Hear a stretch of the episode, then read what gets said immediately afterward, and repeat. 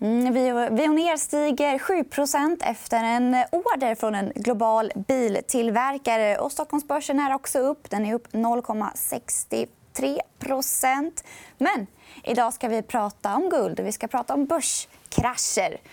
Ja, det är tisdagen den 10 september och du kollar på EFN Börslunch.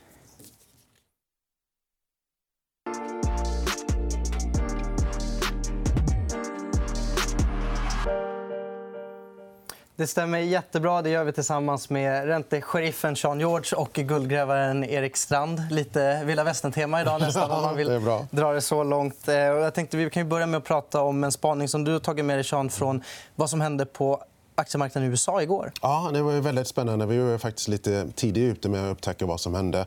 Eh, jag pratade med en stor eh, kapitalförvaltare i Kalifornien. Ni kan gissa den största där. Men, eh, eh, jag pratade med honom. Han var väldigt stressad. Och så grävde vi lite. Och det hade en stor skifte med momentum short och momentum long. Det vill säga det var många som sålde det som har gått bra i år och det var många som köpte det som hade gått dåligt i år. Och det tog mig rätt lång tid, nästan en timme. Det var sent till middagen, kom hem vid åtta istället. Men eh, eh, det, som vi ser det, det var en rätt bullish trade. Att vi fick en rotation ur det som, som, som har gått bra och så in till lite cyclicals, energy och såna bolag. Och vi har ju ECB eh, den här veckan och Fed nästa vecka. Och, och det kan vara att folk försöker liksom positionera sig för att få ett positivt utfall. Att centralbankerna har de facto vårt rigg. Eh, vi kommer ihåg sist det var inte så bra möten från både Fed och ECB. Och förhoppningsvis tar de ett kliv framåt. Och... Så risk on? Ja, vi tror det. Vi tror det. Så, de centralbankerna har vi framför oss. Men bakom oss har vi faktiskt Riksbanken som fick, en, eh, fick kronan att förstärkas förra veckan. Men nu har kronan kommit ner igen. Har du någon reflektion på det, Erik? Ja, vi kommer att prata om börsen. Vi kommer att prata om obligationsmarknaden som oftast är större och har mer rätt än vad börsen har. Eh, men jag tror nästa steg är in i valutorna. för Det är en ännu större marknad. egentligen. Och eh, alla länder vill ha svagare valuta. Sen emellanåt försöker de prata upp det, men det är mer ett spel. Jag tror eh, Ingen, Så det, är, det är deras tanke att sänka kronan igen? Ja, alla länder gör samma sak. Och det ser vi ju mellan om Kina vill sänka sin valuta eller om Trump önskar ju också att Fed ska hjälpa till att sänka dollarn. Eh, så det är ett spel som kommer att fortsätta och som blir bara större och större just nu. Och svagare valutor tycker man om om man är exponerad mot ädelmetaller. Kan jag tänka mig. Ja, ädelmetaller blir ju en hedge, ett skydd mot svagare valutor. Vi ska faktiskt fortsätta att prata om eh, centralbankerna och dess stimulanser. Vi har fått en eh, rad tittarfrågor inför det här programmet vilket vi tycker såklart är jättetrevligt. Vi ska ta och titta på den första. Och den låter så här. Jonas Olavi pratade om att centralbankernas sänkningar och stimulanser laggar cirka ett halvår. Tror du att det vänder till jul om inte centralbankernas stimulans längre biter? Vad behöver länderna göra rent finanspolitiskt då? Eh, ja, alltså, tror du det vänder till juli? Det vet ingen. Eh, så jag ska inte sitta här och säga att om stimulanserna kommer att funka, hur djup lågkonjunktur som vi tittar på.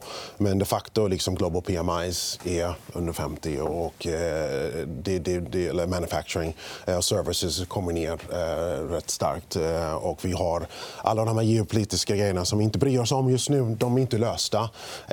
Men jag är väldigt, väldigt säker på att vi behöver fiskala åtgärder i Sverige, Tyskland. USA är väldigt mycket på framkanten med det. Eh, en viss president som vill bli omvald. Eh, men, men även i Europa det har varit en väldigt motstånd till fiskala åtgärder. Särskilt när söder, eh, Sydeuropa behövde göra det. Och nu är tyskarna liksom framme med liksom en siffra på 55 miljarder dollar, eller 55 miljarder euro. Och om någon politiker tittar på det här, ni i Sverige behöver vakna. Därför att automatic stabilizers finns runt om i världen. Sverige har dem utfallet har de med eh, en fjärdedel av vad de, USA får ut av sina. Eh, Sverige behöver ha en plan för fiskal spendering för att hjälpa alla väljare oavsett vilket parti du röstar på. Arbetslösheten om den tickar upp. Eh, och då, då, har vi väldigt stora problem i Sverige med den skuldsättningen. Och det enda sättet som jag, jag tror inte att centralbankerna har en verktygslåda i dagsläget som kan stoppa en, en djupare lågkonjunktur. Men eh, regeringen och politikerna har all möjlighet i världen att spendera för att stoppa det här. Så centralbankerna behöver hjälp av politikerna helt enkelt? Absolut. Håller du med? Alltså, jag ska väl säga så här. Problemet är ju att vet inte, om vi har haft en riktig högkonjunktur för man har ju bara stimulerat det som varit tillväxt. Det har inte varit en tillväxt för att vi har haft mer konsumtion och till, alltså verkligen bolagen har gjort något. Utan det har stimulerat in pengar i systemet. Så inte om högkonjunktur och lågkonjunktur nästan är Men bolagen har blivit mer effektiva? Ja, alltså de har ju så låga räntekostnader och kan låna mycket som helst. Alltså det rullar på. Så jag, tror, eh, jag tror att de är ganska dåligt balanserade, faktiskt, bolagen. Men problemet är att vi USA försökte höja, stannade vid 2,25% Sen gick det inte längre, så man börjat sänka. Och lite som tittarfrågan kanske är inne på... Eh, nu pratar man då ännu mjukare och ännu mjukare. och Man ska börja köpa tillgångar och obligationer. Man ska börja köpa aktiemarknaden också för tryckta pengar. Eh, och det kommer fortsätta och kanske då mer andra fiskala saker. Eh, men då kommer någon, snart kommer någon börja undra liksom, kan man hålla på så här. Var, liksom, var kommer de pengarna ifrån? Eh, Eh, är staten och, EC, och centralbankerna, det är ju egentligen vi. Egentligen är det ingen skillnad på vi. Det är vi som är staten. Staten är ju inte nåt eget som kan hjälpa oss. Vi måste se till, det är vi människor som är staten. Mm. Eh, och ECB verkar ladda för nya stimulanser. Vad tycker du och tänker du om det? Nej, återigen, som Sean sa, här, liksom att vi har inte fixat problemen för höga skulder. utan Vi löser det med likviditet hela tiden. Och nu gör vi det. Vi liksom kick the can down the road. Det är det vi gör igen. Vi har en graf jag, jag, ser inte, jag ser inte att det är, det är skönt för aktiemarknaden, det är skönt för andra tillgångar. Det kan vara bra att äga guld och silver om man nu fortsätter på det spåret. Men det är ingen och här ser vi hur det brukar se ut eh, på börsen när mm. Eh, centralbankerna går in och stimulerar. Mm. Så börsen jublar, men realekonomin är inte lika glad? Ja, så det är därför du får de här samhällsklyftorna. Eh, de som äger tillgångar blir rikare och de som inte äger tillgångar, liksom, gapet blir större. Eh, och centralbankerna, liksom Fed, har ju till och med pratat öppet om att de är medvetna om att de har skapat de här skillnaderna. Och det är därför de säger att de vill fortsätta eh, den här expansionen längre. Därför nu börjar det nå ut till de som inte kunnat vara med på den här uppgången. Så ja, det är som centralbankerna dopar aktiemarknaden. Och, eh, jag, jag, det är inte mitt jobb att hålla med eller inte hålla med. Det är mitt jobb att tjäna pengar. eh, och jag, jag, håller inte med, men jag ska, förra veckan var jag ju rätt frustrerad. Liksom, vi är lång marknaden, men eh, ingen ville köpa CSPP-obligationer innan ECB den här veckan, så att de gick ner. Men, men vi, vi har haft en bullish eh, inställning till marknaden sen, sen mitten på augusti eh, just på grund av eh, det som vi tror kommer att ske i de kommande veckorna. Och tioåringen skvallrar lite om att räntemarknaden börjar tro att ECB skjuter från, från höften nu nästa vecka. Ja. Ja, den grafen som vi tittar på nu är den totala avkastningen på eh, amerikanska tioåringen, tyska tioåringen och svenska tioåringen. Eh, och det, alltså, det är procenttal, så 10 procent eh, var de uppe i som mest, eller över 10% till och med. Mm. Eh, på, då har du tjänat alltså, totalavkastningen över 10% på en svensk stat, eh, statsobligation. Nu har det kommit ner lite. därför att Eh, det, det är ett, par grejer som sker. Liksom, vi tror återigen att everything's great with trade. Han ljuger ju såklart. eh, eh, och så vi tror att Italien är löst, vi tror att Brexit är löst. Vi tror att alla de här grejerna som... Okej, okay, de har skjutit kick the can down the road, men ingenting är egentligen löst. Och, och vi får det här rallyt, uh, relief rally. Och om, om de här grejerna är lösta, då ska aktier upp och räntor ner. För räntor är, avspeglar den ultimata eh, rädslan. Att, att du vill betala Schweiz i 50 år för att låna dem pengar det är, inte, det är inte en positiv värld. Du köper inte aktier och gör den traden. Eh, så att, eh, så att det är rätt naturligt att vi, vi ser det här. Och, och den här traden som var väldigt stor i USA igår, eh, underliggande en rätt neutral aktiemarknad. Det, det var ju folk som började skifta, liksom växla upp. Sen får vi se. Därför vi får komma ihåg, ECB och Fed, det var inte positivt förra gången. Nej, och nu ska vi eh, blanda in guld i det här också. För vi har en ytterligare en tittarfråga som vi har fått på mejl. Den eh, låter så här. Guld är ett spel på Fed och övriga riksbanker som slår knut på sig själva för att hålla uppe konjunkturen. Ska man köpa dippen nu? Ja, man nu pratar om dippen de sista veckan. Men vi har haft en ganska kraftig uppgång i, i guld. Och sen så har vi haft en eh, konsolidering nu som beror på lite olika saker som vi kanske kommer in på. Men eh, alltså, det, långsiktigt så är det ett fantastiskt bra case. Så man behöver inte titta på kortsiktiga fluktuationer i marknaden. Utan det, är, det är ska man titta på det så kortsiktigt så, så kommer man nog förvänta sig en, en svag... Det kommer ha en nedgång till här under två, tre, fyra veckor kanske innan vi ser en fortsatt uppgång. Ska jag säga. Mm. Han frågar om silver också i tittarfrågan och lät lite fundersam över om man kan, kan dra samma slutsatser om, om silvret som om guldet. Hur tänker alltså, du där? Silver reagerar ju lite annorlunda än guld. Guld reagerar ju väldigt positivt på, även på handelskrig och såna oro, eller krig allmänt. Då går ju guld upp, men kanske inte så mycket silver. Silver är ju mer Eh, benäget på mängden pengar, alltså någon form av inflation eller asset inflation, där mår ju silver bättre. Så när vi får den stora uppgången i ädelmetallsmarknaden så är det silver som kommer gå upp mycket mer än guld. För vi har en annan tittarfråga där eh, personen skriver att eh, guld och silver gick ner i förra veckan. Ehm, hur, hur, ser du på metallerna på kort och lång sikt? Och jag antar att du redan egentligen har svarat på det. Du, du är positiv. ja, nej, men vi har ju haft en, nu gick ju commercials gick kort. Alltså, oftast tittar man tittar på fel. Man tittar på, liksom, på retail marknaden. Man ska titta på hur commercials gör. Och de gick ju kort hela uppgången. De låg väldigt med stora unrealized losses, som det heter. Nu har de liksom fått tillbaka lite av de positionerna. Retail har sålt och de har köpt tillbaka lite av sina korta positioner. Så att, eh, men det behövs mer av det för att få en neutral marknad. Eh, jag tänker vi skulle ju faktiskt kunna bolla in. Jag vet att vi har, du har ju tagit med en graf där man ser på guldet ur ett lite tekniskt perspektiv som vi egentligen tänkte ta sen. Men det, det stämmer ju rätt bra. Eh, där har vi den. Titta. Det stämmer ju rätt bra överens med det du säger att vi behöver en liten paus. Men sen tror du att vi ska... Ja, nu ser man kanske inte det sista veckan där i, för att det är bara en liten blipp där på högerkanten. Men vi har ju haft en stor uppgång sen 1 juni. Eh, men fortfarande är ju inte guld som börsen på någon all time high-nivåer utan guld har ju fortfarande mycket kvar. Eh, och har ju bottnat ur. Alltså, här är det kontracykliskt. Det toppade 2011 haft en bear market fram till december 2015 och sen så har det sakta, sakta trevats gått upp. Och nu fick vi lite med ett riktigt race här från juni framåt. Nu det lite paus, lite återhämtning. Men resan fortsätter. Kan guldet bli övervärderat? har någon frågat på Twitter också. Absolut. Eh, allt, hela vår marknad fungerar väl så. Liksom, att det, liksom, det du är, liksom, på engelska overshooting, undershooting. Alltså det går, du har mean value. Alltså det, I slutändan så får du ju... Alla jagar så att säga, det som går upp. Eh, och till slut så jagar de det för, länge, för mycket och då blir priserna för höga. Mm. Men vad tycker du man ska äga i höst, då, Sean? Eh, om ni... Ja, det... på det här centralbankspåret? Uh, uppenbarligen inte CSP-obligationer just nu. Men, men uh, alltså, jag skämtade med Jesper, min kompanjon. Liksom, egentligen det enda, enda som har gått riktigt bra nu uh, senaste veckorna är, har varit aktiemarknaden. Uh, så att vi får se om obligationsmarknaden kommer igång i Europa. vi hade den största nyemissionsveckan någonsin i företagsobligationer förra veckan. Någonsin. Wow. Så att bolagen kommer och printar här på de här låga nivåerna. De flesta gör det för att omfinansiera, vilket jag ser som positivt. Men som Erik var inne på tidigare när vi snackade att liksom skuldsättningen på bolagssidan är ju trots allt väldigt hög.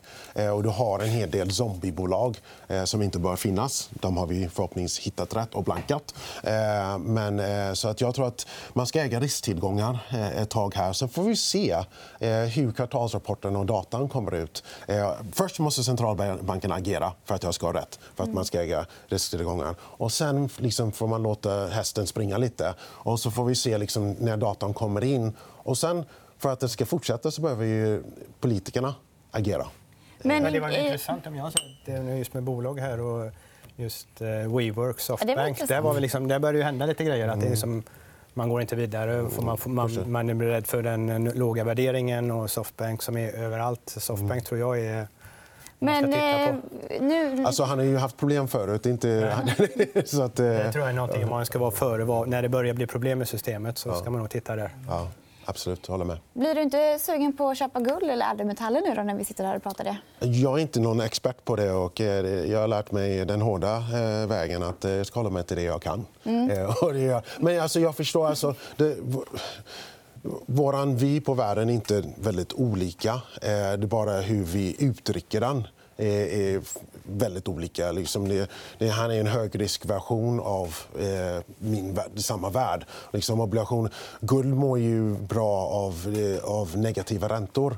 Eh, och negativa räntor är på grund av att ekonomin går dåligt. Så att, eh, liksom vår värld svävar fram och tillbaka. Men jag personligen, eh, eller fonden, jag personligen har silver, men fonden äger ju inga ädelmetaller. Mm.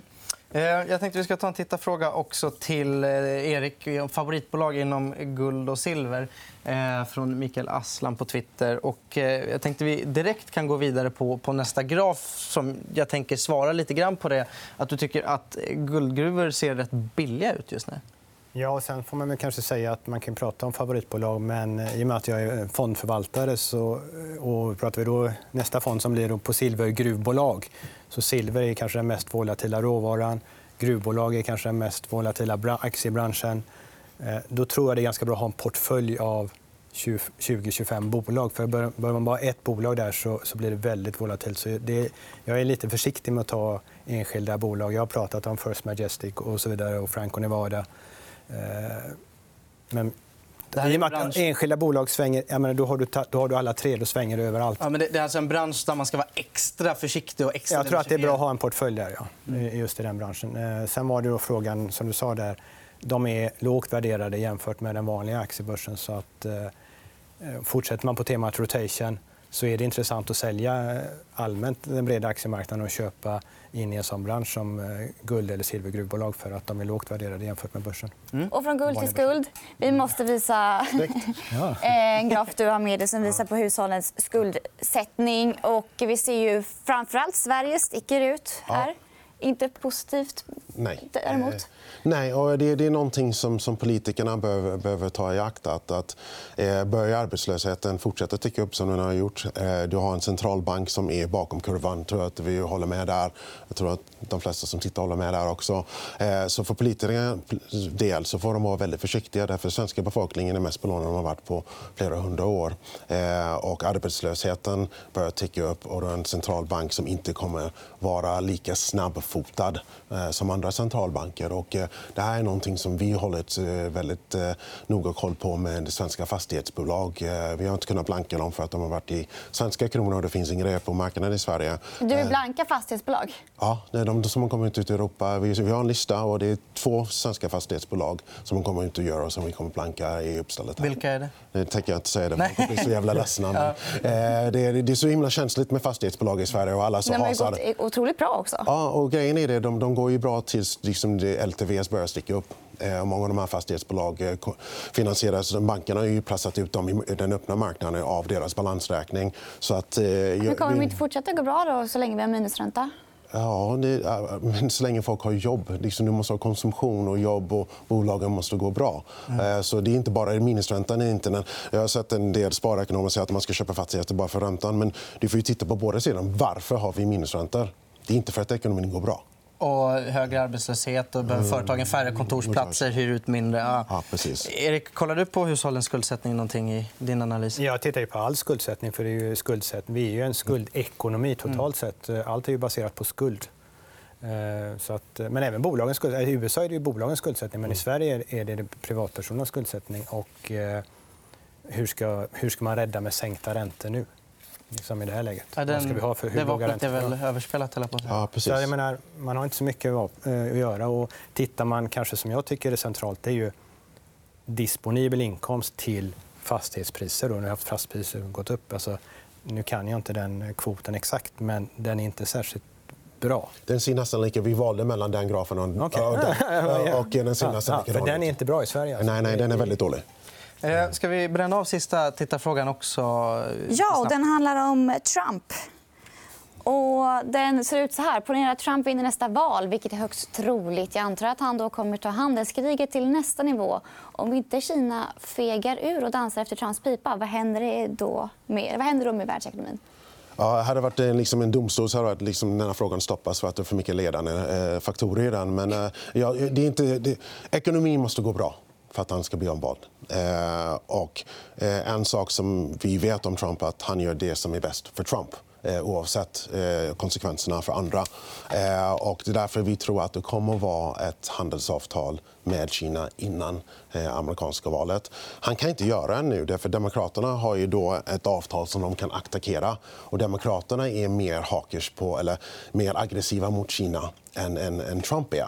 Eh, så att han måste vänta tills eh, det närmare valet för att få ett handelsavtal. Eh, men samtidigt så kommer han Twitter och liksom, eh, försöka hålla börsen uppe. Eh, men han kommer få till någonting. Den kanske rivs upp dagen efter valet. Men han kommer göra någonting för att vinna valet, för han måste göra det. Sen är väl problemet kanske är nu att Trump har spelat det här kortet så länge, så mycket. Så både Kina och Ryssland förbereder sig för en alternativ miljö med alltså man gör handel via sina egna valutor och transfererar pengar utanför Swift-systemet. Så även om han vinner en hel del i sina avtal så, så förlorar nog USA väldigt mycket av sin världsmakt.